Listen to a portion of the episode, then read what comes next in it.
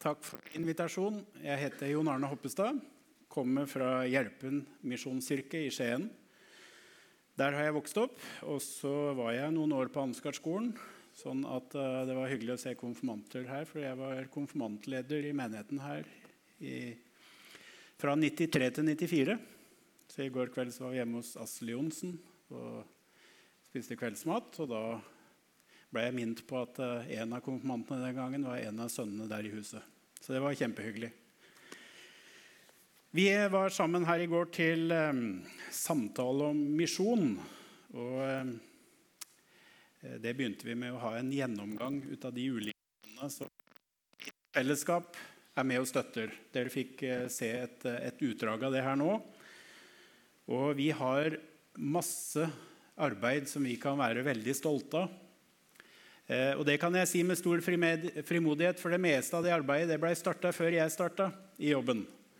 Så vi har utrolig mange flotte medarbeidere rundt om i de ulike landene som, som jobber for misjon. Og så har vi veldig mange stå-på-mennesker her hjemme i Norge som er med å løfte det engasjementet. Det er fantastisk. Og eh, i, i går så var vi litt inne på, på, det også, at eh, noe av årsaken til at vi i, i i det norske. Det, det var at vi ønska å samle oss om misjonsarbeid og om Ansgarskolen. Undervisning av eh, ledere, pastorer og det å bringe evangeliet til nye steder. Det er det som er vårt DNA, og det er noe vi trenger å minne hverandre på eh, igjen og igjen. Eh, for det er sånn, og det, sånt skjer i Hjelpen også, at uh, hvis tida går uten at det er noen som røsker litt tak i oppdraget vårt, så er det jo lett for at vi liksom ramler litt inn i de vanlige, vanlige tinga, og så uh, går vi med i kjerka hvis det ikke er noen andre ting som skulle, skulle komme foran på timeplanen. Men vi har absolutt grunn til å være, være en del ut av Guds store familie. Jeg i tillegg til å være på Ansgarskolen, så Ok. I tillegg til Ansgarskolen så reiste jeg ut i misjonstjeneste på midten av 90-tallet. Jeg bodde ti år i Colombia, så det er min, min, praktiske bakgrunn innenfor jobben her. Og så etter vi kom tilbake til Norge for elleve år siden, nå, så har jeg vært stort sett ansatt i Misjonskirken Norge med litt ulike ting. Bl.a. jobba mye med liv og vekst. Og så har jeg vært heldig å ha med disippelskapsgruppa på Ansgarskolen til Colombia i seks år på rad. Eh, så det er veldig spennende å ta med unge mennesker ut, ut i misjon. Det er vi glad for. Jeg har lyst til å dele en tekst som eh, kanskje for de fleste er en kjent tekst, men den er likevel aktuell og viktig. Den finner vi i Johannes 4,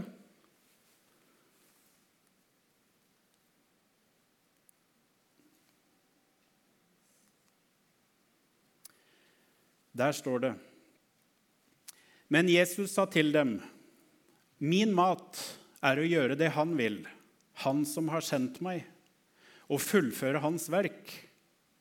Dere sier, 'Ennå er det fire måneder til innhøstingen.' Men jeg sier dere, løft blikket og se på markene. De står alt hvite mot høst. Den som høster, får sin lønn og samler inn grøde for det evige liv slik at den som sår, og den som høster, kan glede seg sammen. Herre Jesus, vi takker deg for ditt ord. Takker deg, Herre, for at du minner oss på hvem vi er i deg, og det oppdraget som du har gitt oss å fullføre sammen med deg. Takker deg, Jesus, for alle trofaste, og takker deg for, spesielt for menigheten i Salem i dag, alle som har vært med i din tjeneste. Så ber vi om at du skal være med oss nå, veilede oss i ditt ord. I Jesu navn. Amen. Løft blikket, sier Jesus. Jeg tenker det at eh, Kroppen den består av mange ulike lemmer som har ulike funksjoner. Eh, vi kjenner alle eh, eh, armer og bein. Hvordan det fungerer. Vi har bein som er i stand til å gå, de er i stand til å løpe, de er i stand til å hoppe, de er i stand til å sparke en ball. De er til og med i stand til å sparke noen bak hvis det skulle være nødvendig. Vi har blitt utstyrt alle sammen med ulike egenskaper. Og så trekker Jesus fram en av disse nå da, når han sier 'løft blikket'. Løft blikket det, har, eh, det, er en tekst som har blitt brukt masse i, i eh, menighetsarbeid. Vi har brukt det i Misjonskirken Norge. Løft blikket. Eh, og vi snakker mye om å ha blikket festa på Jesus. At vi må løfte det opp fra våre egne ting, og så må vi se på Jesus. Jeg tenker primært på to ting når Jesus sier 'løft blikket'. Det ene det er jo øynene, selve øynene. Det fysiske ved det. Disiplene, det skjønner vi, de kan se. De har de fysiske forutsetningene. Men så er det en annen ting da, med blikket. Det er selve sansen. Disiplene her i teksten de ser ikke det de skulle ha sett. Eller de ser ikke godt nok. De hadde kanskje et utrent øye. Når vi kommer inn i teksten her, så har Jesus akkurat snakka med den samaritanske kvinnen. Og de har snakka om hva som kjennetegner en sann gudstilbedelse. Eh, og Kanskje dere husker detaljen at den samaritanske kvinnen hun kom og henta vann midt på lyse dagen når sola sto på det høyeste, og det ikke var noen andre mennesker til stede ved brønnen. Fordi det var vanlig å hente vann mye tidligere på dagen, før sola sto opp og det var altfor varmt. Men den samaritanske kvinnen hun gjorde det nettopp fordi at hun levde ifølge jødiske lover et uordentlig liv. Og så treffer hun plutselig da Jesus, som spør om han kan få litt vann. Og så var det en eh, situasjon som kom veldig uventa på den dama. For hun visste det at eh, det er ingen andre i min landsby som er der ute på den tida her av døgnet. Og når det endelig da skulle sitte en mann der ute, så var det i hvert fall ikke forventa at han skulle ta kontakt med henne. Og så skjønner jo den dama veldig raskt at uh, han som sitter her, han, han, er ingen vanlig mann. Og hun skjønte veldig på en spesiell måte at han som sitter her nå, han ser rett igjennom meg. Han vet hva som ligger innerst i mitt liv. Og så kjenner hun en berøring med skammen over sitt eget liv. Og så prøver hun da, som er en veldig normal måte, å prøve å manøvrere seg ut av en vanskelig situasjon. Og så prøver hun hele tida liksom avspore samtalen litt, dytte den litt vekk fra seg selv, men, men, over på Gud. Men så snakker de om den sanne gudstilbedelsen. Og Jesus sier at den foregår her. Den kan foregå nå. Den kan foregå i ditt hjerte. Samaritanerne var en form for halvblods jøder. Fordi at eh, Under tidligere kriger så hadde folk blitt eh, tatt til fange, de hadde blitt ført ut av landet, og så hadde de blitt miksa opp med andre kulturer. Og så hadde mange av de kommet tilbake da, og så blei de egentlig en, en gruppe med ureine jøder som bodde i det jødiske land. Og For en jøde å, å, å være sammen med en urein jøde, det var ikke bra. Og Derfor så ble eh, samaritanerne uglesett. Men samtidig så vet vi det at eh, samaritanerne bevarte jo også en, en, en gudstro. Men siden ikke de fikk eh, lov til å opptre som vanlige jøder, så måtte de finne sine egne måter. Og så vet vi det fra historien også at eh, ikke så rent sjelden så skjer det at uh, grupperinger som, som, begynner kanskje med et godt utgangspunkt, kan ta forskjellige retninger i troen. Det kan oppstå sekter, det kan oppstå en form for vranglære. Det kan, det kan oppstå læreting, læresetninger som er utafor det som vi, vi, tror er Guds, Guds ord. Og Det var et sånt rykte samaritanerne hadde. Og Når Jesus da kommer til denne dama og snakker med henne, så var det uhørt.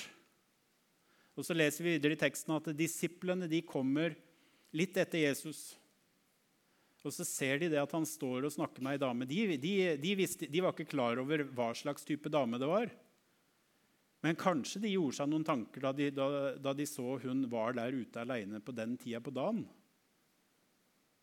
Kanskje, de, kanskje, noen av de tenkte at kanskje hun har noe å skjule. Kanskje ikke hun ønsker å være sammen med de andre. Men de hadde ikke noe forutsetning for å forstå.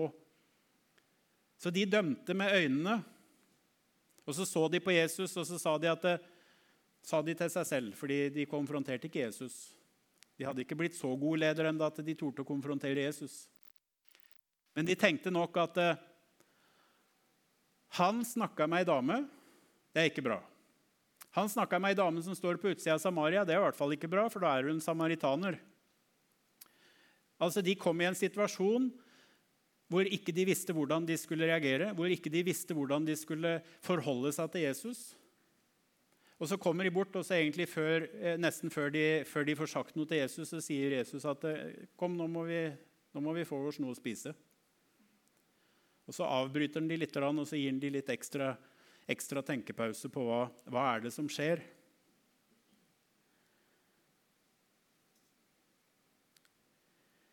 Kvinnen hun gikk tilbake til landsbyen og begynte å fortelle om Jesus.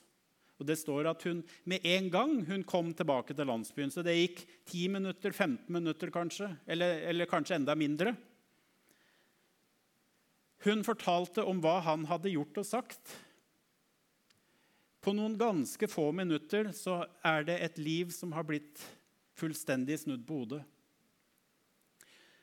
Bare noen minutter i forveien så hadde hun sneket seg ut for å gjøre de daglige gjøremåla. Fordi hun ikke likte å bli konfrontert med de andres blikk. For hun visste at de andre i landsbyen visste hvem hun var, og hva slags liv hun levde. Og Etter en samtale med Jesus, et enkelt møte med Jesus, så, så går jeg rett tilbake og begynner å møte blikka til de menneskene som hun lever med til daglig. Hun visste i et lite øyeblikk at hun allerede hadde endra livet sitt. Framtida for den dagen handla ikke lenger om å hente vann når andre mennesker hadde pause. For i lang tid så hadde hun gått med et senka blikk. I alle fall i dagslys. Men nå kunne hun komme andre mennesker i møte.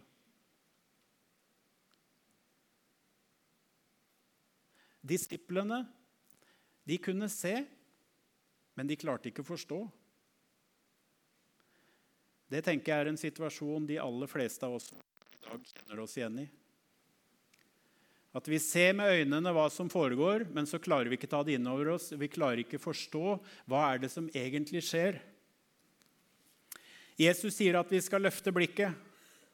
Og av ulike årsaker så er det mange mennesker i dag som går rundt med et senka eller et lokka blikk. Denne kvinnen fra Samaria hun bar på en skam fordi hun levde et uordentlig liv utenfor det som var normen.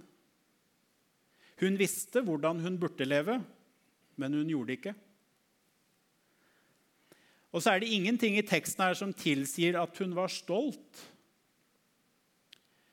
Hun skjulte ikke sin synd, men hun skjulte seg selv. Hun var klar over sine feil, men hun skrøt ikke av det. Hun holdt seg heller unna og kikka ned. Jeg tenker, Hva slags liv hadde egentlig den dama her?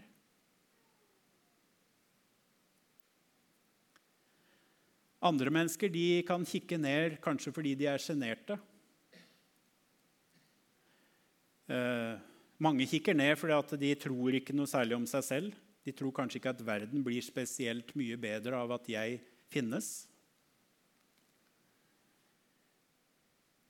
Eller de tenker kanskje ikke mye på at det å se hverandre i øynene kan føre til åpenhet og frihet. Jeg tror det at et åpent blikk det kan være med å sette andre mennesker fri. Hvis vi tenker oss om, så har vi helt sikkert noen erfaringer med mennesker. Vi har, vi har kikka i øynene og så har vi bare tenkt at du kjenner meg. Du skjønner hvem jeg er. Og så har du kanskje kjent på en dyp frihetsfølelse eller en veldig fred over at Så godt. Et menneske som ser meg, et menneske som ser gjennom meg, som forstår meg, men som ikke dømmer meg. Et menneske som inviterer til samtale, eller som inviterer til fellesskap.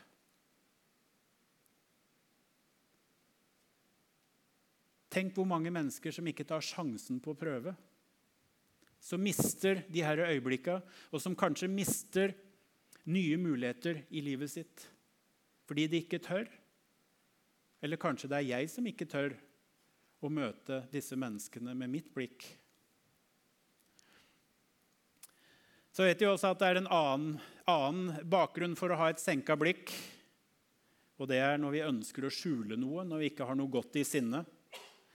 I første Mosebok kapittel 4 så sier Gud til Kain at 'Hvorfor er du harm?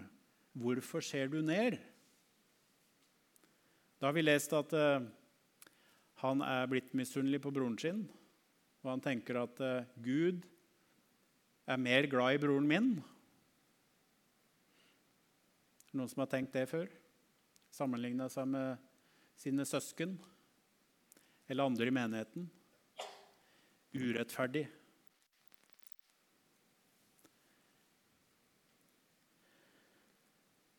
Hvis du vil gjøre det gode, kan du se opp, sier Gud til Kain. Men hvis ikke du vil gjøre det gode, så ligger synden klar ved døren. Det er et ganske spesielt ord. At hvis ikke du gjør opp nå Nå har du muligheten Nå har du muligheten til å løfte blikket litt. Men hvis ikke du gjør det, så ligger det en fristelse allerede en halv meter unna som du kommer til å plumpe rett oppi.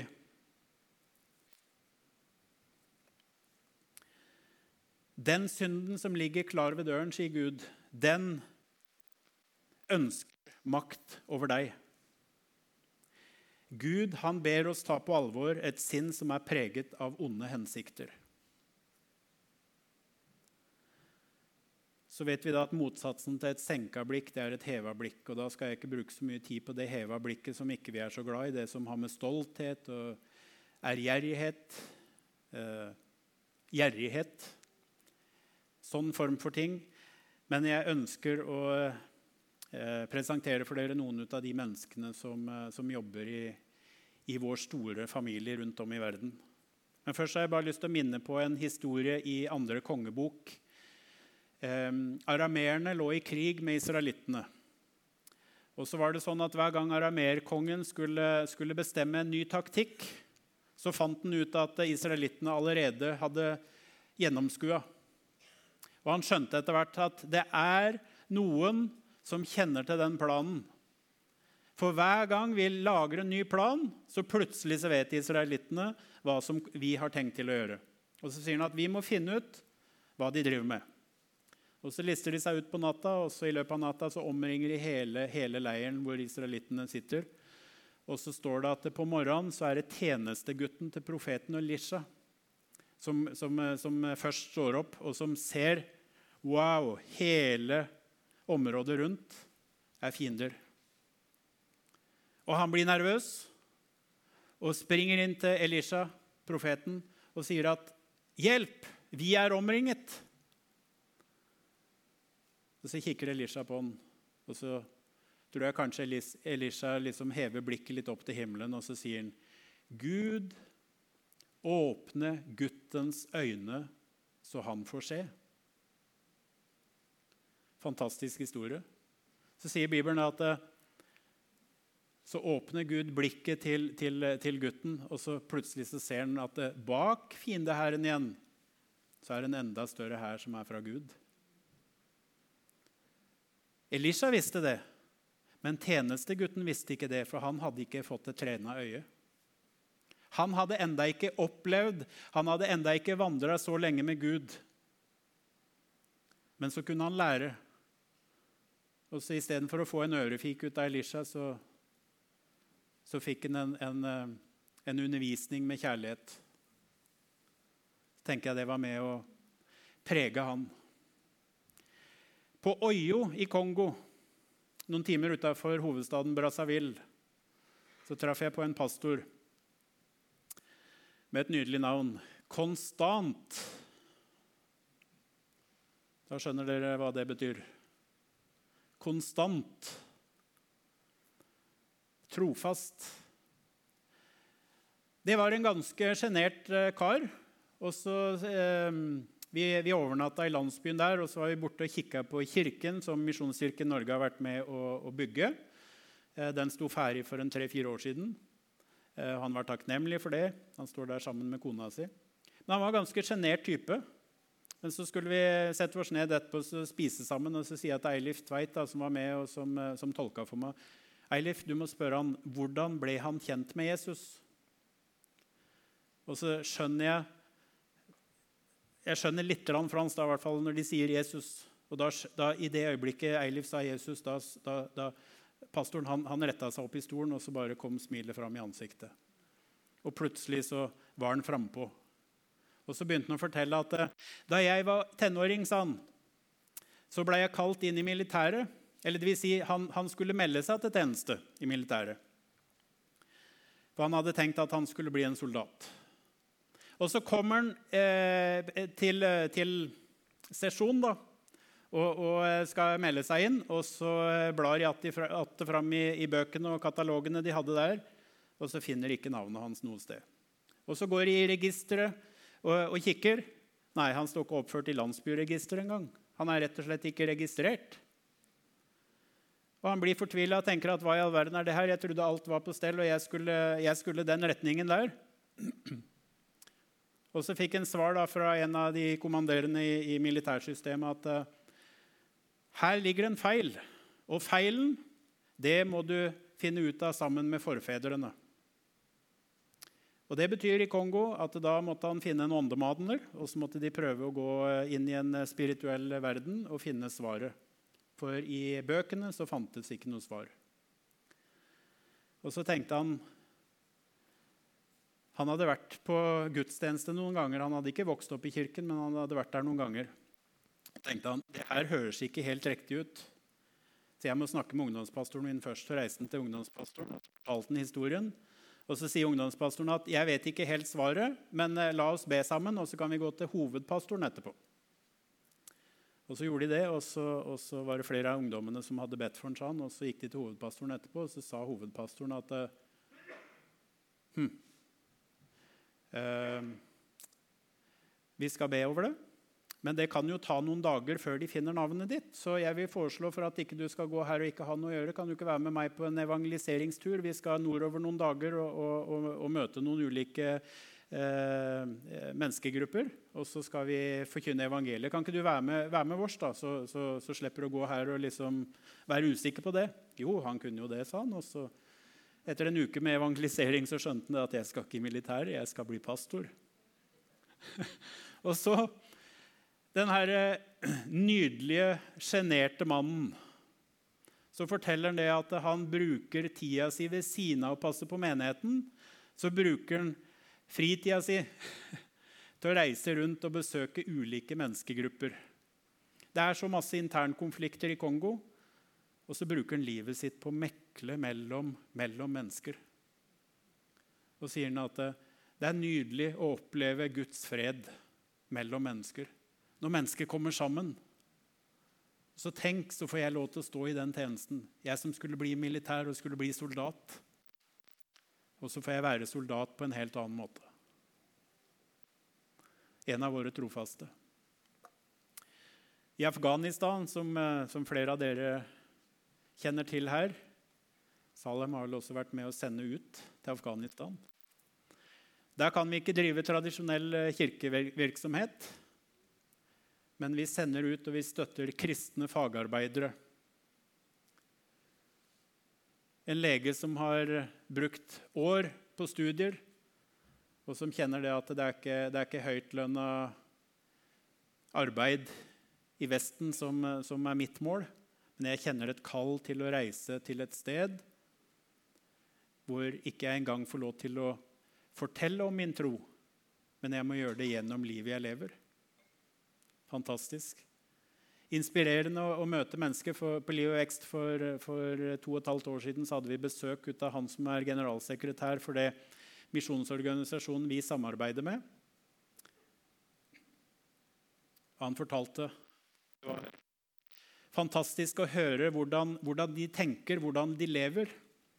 Øyvind Slåtta fra, fra, vårt kontor inne i Oslo han var nede i mai i fjor.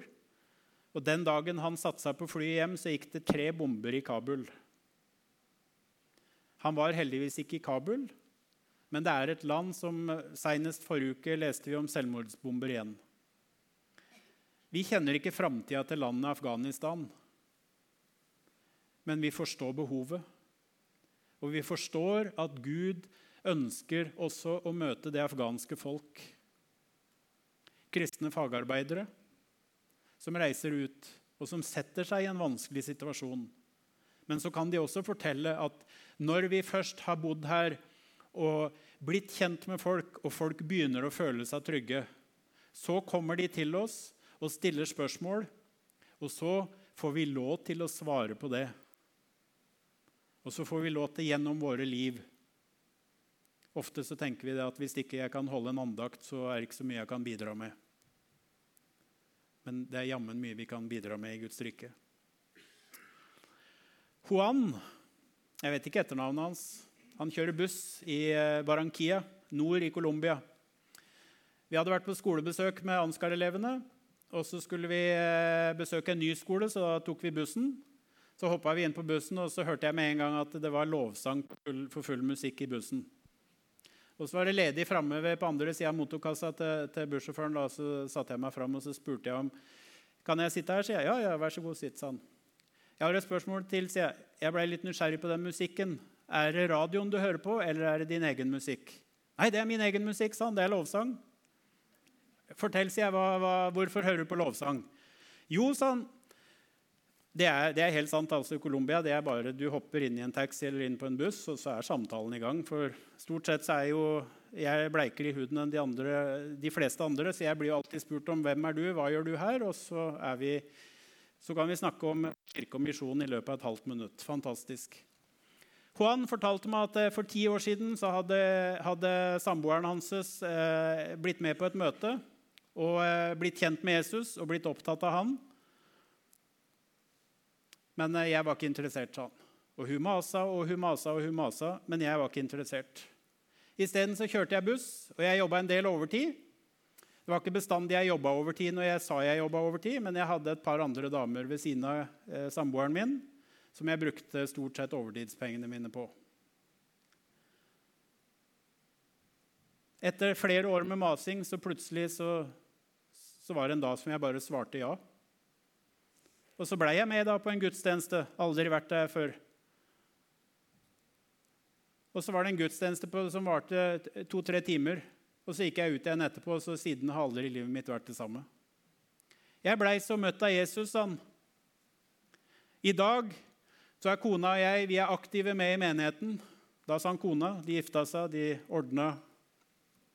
Livet blei ikke det samme. I dag så går jeg på jobb. Jeg jobber aldri overtid. Og jeg springer hjem til kona hver gang jeg er ferdig på jobb, sa han. Fantastisk eh, stolt over kraften i møte med Jesus. Pastor Wang han møtte Annie Skau i 1940. Da var han en ung kar. Han var pastor, ble satt i fengsel under kulturrevolusjonen fordi han var pastor. Satt fengsla i 13 år vekk fra kone og barn. Så kommer han ut, og så har han nesten ikke kommet seg ut dørene på fengselet engang før han skaffer et område hvor de kan åpne en bibelskole. Han satt og fortalte. Ikke et vondt ord om kommunister, ikke et vondt ord om tortur i fengselet. Ingenting. Men han snakka om Guds kjærlighet, han snakka om Guds tilgivelse, han snakka om Guds nåde. Og han snakka om behovet for å forkynne evangeliet for alle som ikke har hørt eller blitt kjent med Jesus. Robert Morrison I Macau, som ligger, del, eh, som ligger på, på, ikke så langt ifra Hongkong, der ligger det en egen kirkegård med bl.a. graven til Robert Morrison. Han var den første protestantiske misjonæren som kom til Kina. Og han var blant de som pakka, pakka eiendelene sine i en spesiallaga kiste på forhånd. Det var ikke koffert, men man pakka i kista. Han eh, opplevde å begrave både sin kone og sin eldste sønn. Han levde jo ikke, han ble ikke så mange, mye over. Men han ga livet sitt for Jesus. Vi har ofte sagt at misjonærer det er kirkens såkorn. Og i hvert fall hvis vi skal tenke på de som reiste ut, som ga livet sitt, som tok farvel med familie hjemme i Norge, som kanskje ikke engang levde lenge nok i det nye landet til at de hadde klart å lære seg språket. Menneskelig sett så tenker vi det var mislykka. Men jeg tenker at det er de som vant de store åndelige seirene som gjør at vi i dag har en helt annen eh, forutsetning for å forkynne evangeliet. Vi er i Hongkong hvert år. I Hongkong så samler de elleve misjonskirkene seg to ganger i året, og så er det felles dåpsmøte. Så er det sånn at Annethvert år da er en av oss fra Norge som taler, og så annethvert år så er en av pastorene i Hongkong. Misjonskirken i Hongkong de anser seg som datterkirke av, den, av Misjonskirken Norge. Vi syns de er godt og vel selvstendige, og ikke nok med det, men hver, hver søndag, i første eller andre søndag i, i, desember hvert år så har de felles gaveinnsamling. All kollekten i alle de elleve menighetene de sender de til Norge. Og så sier de at disse pengene må dere bruke til misjon i Kongo eller Colombia. Vi har lyst til å være med på det.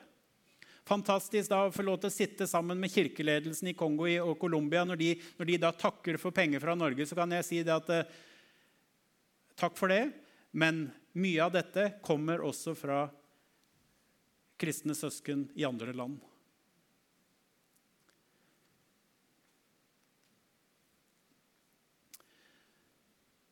I Østpolen er vi med å støtte en lokalmenighet i Lublin. Ikke det at vi støtter driften av menigheten, men vi er med å støtte misjonsturer som de har til Ukraina fire ganger i året. De fyller opp én eller to personbiler med mat og klær. Så reiser de rundt en fire, fem, seks dager. Lublin ligger ti mil fra grensa, så det er relativt kort. Men så reiser de på ulike steder. Jeg fortalte i går at eh, Misjonskirken i Polen hadde ca. 400 medlemmer under andre verdenskrig. Men 80% av de forsvant da grensene ble flytta, så de forsvant inn i, inn i, eh, inn i Russland og, og også inn i, inn i, det vi kjenner som Ukraina nå. En liten menighet som eh, er ute på gata stadig vekk og evangeliserer. Så reiser de rundt og så har de bibelkurs rundt i nabolandsbyer. En bitte liten menighet. De er en 70-80 eh, mennesker. Men så reiser de på misjonsturer, og så får vi lov til å være med og, og, og, sende noen kroner hver gang. Og så får jeg alltid et uh, veldig godt regnskap tilbake igjen etterpå. og ser at De bruker aldri noen av de pengene til bensin eller mat eller overnatting for de som reiser fra Polen, men alt er til den og den familien inne i Ukraina som trengte det. Vi er i Polen ikke fordi at Misjonskirken Norge hadde en visjon om å gå til Polen, men vi er med i en internasjonal organisasjon for misjonskirker som heter IFEC. Og styrelsen i IFEC de utfordra Misjonskirken Norge til å støtte den lille gruppen vi har i Polen. Og så opplever vi at vi kommer egentlig inn og, og blir mer velsigna enn vi velsigner. Her er vi på kirkenvielse i Lånan i Kina, i provinsen Sangxi. Vi hadde misjonærer rundt i fem landsbyer fram til 1951, hvor Annie Skau Berntsen var siste misjonær som reiste ut. Og så har vi vært tilbake nå hvert år siden 1994. Og så besøker vi de fem landsbyene som nå har blitt byer på 200 000-300 000 mennesker. Og så opplever vi at eh, de setter pris på at vi kommer, og de nøder oss til å komme tilbake og sier at eh, dere er vårt sugerør ut i verden. Når dere kommer, så kjenner vi og blir minnet på at vi er en del av en stor familie. Å forkynne evangeliet i Kina er utfordrende, men takk for at dere oppmuntrer oss. Takk for at dere er med. Og så får vi lov til å være med og støtte bibelskole i Kina. Vi får lov til å være med og støtte eh, pastorer. Vi får være med og støtte eh, type misjonsblad og litt andre ting. Vi bruker ca. 600 000 norske kroner inn til Kina fast hvert år. I tillegg skal vi også nå bruke flere hundre tusen på å støtte bygging av ny bibelskole. Dagens bibelskole har 100 elever, men nå planlegger de et bygg som kan ta 300 elever, og som vil gi en høyere anerkjennelse av utdannelsen. Har vi noe lyd på den?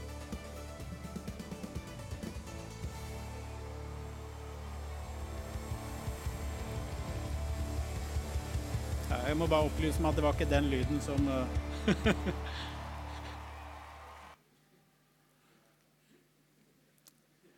Klarer vi å få noe lyd på den neste, tror du?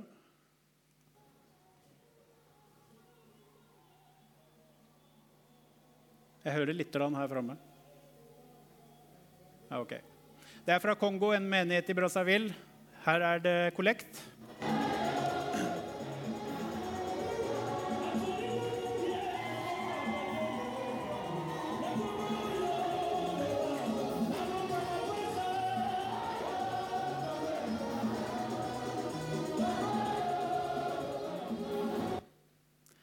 Det vil si, det er, det er ikke bare kollekt, men det er kollekt nummer to.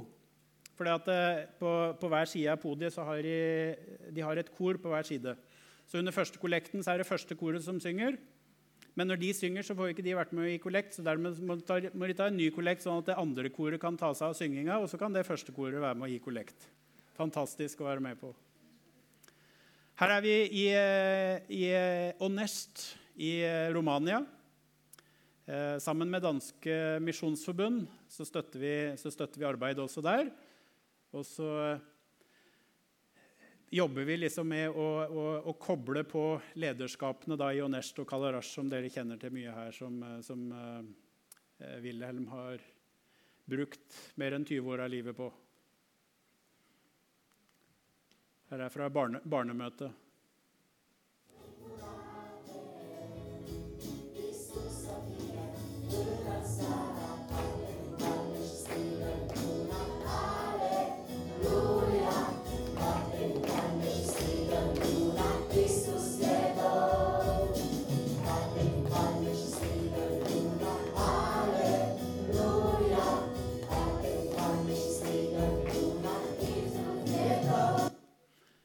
Jesus, det lysende håp.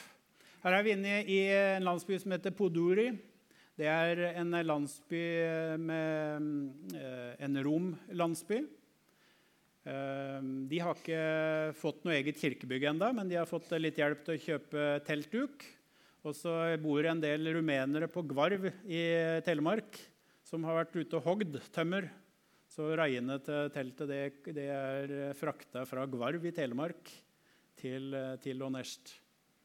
Tu și tăria mea, în tine mă încred, în tine mi se crede inima, de aceea nu mă tem.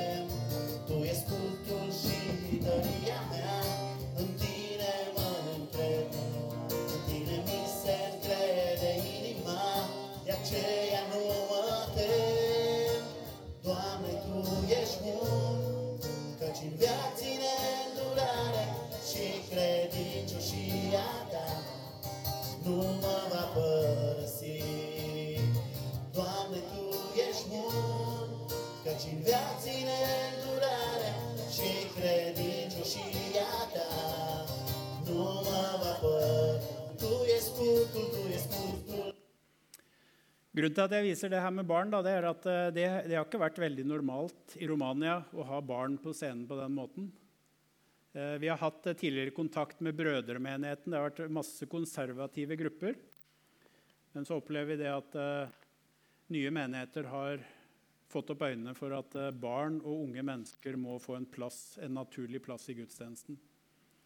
Også våre utsendinger i Onest de har vært spesielt flinke på det og reist rundt også på tvers av kirkesamfunnet.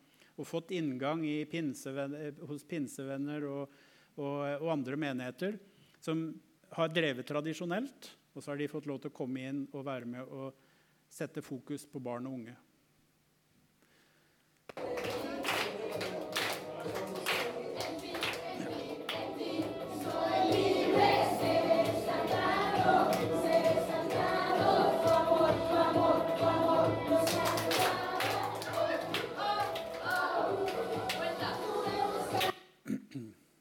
Glemte jeg hadde den inn i loopen her. Men det var Ansgar-skolen som var ute i fjor, og det var i Barranquilla i Colombia.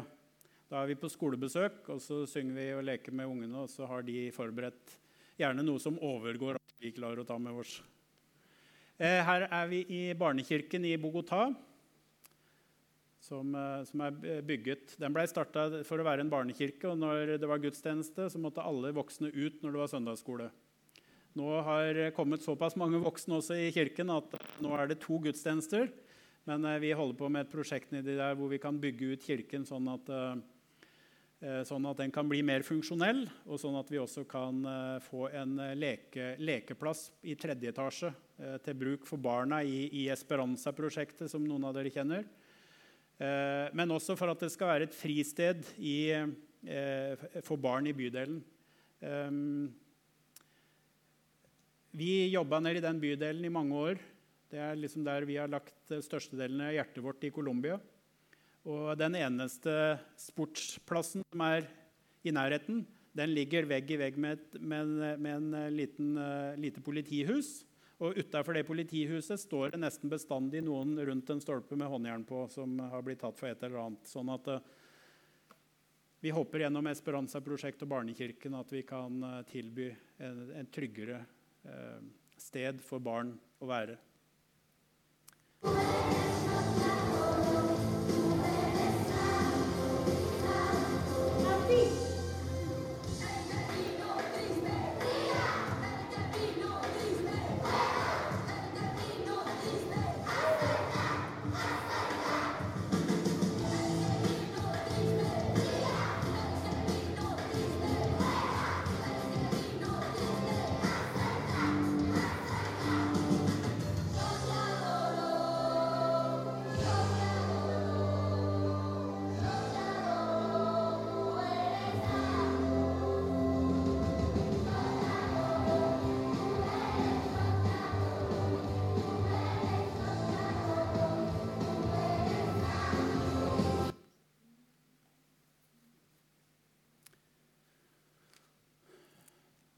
Det er mange barn rundt i verden som lever i situasjoner som, eh, som er vanskelige. Dette er fra Romania også. Vi har utrolig mange flotte folk rundt i våre samarbeidsland som gir livet sine.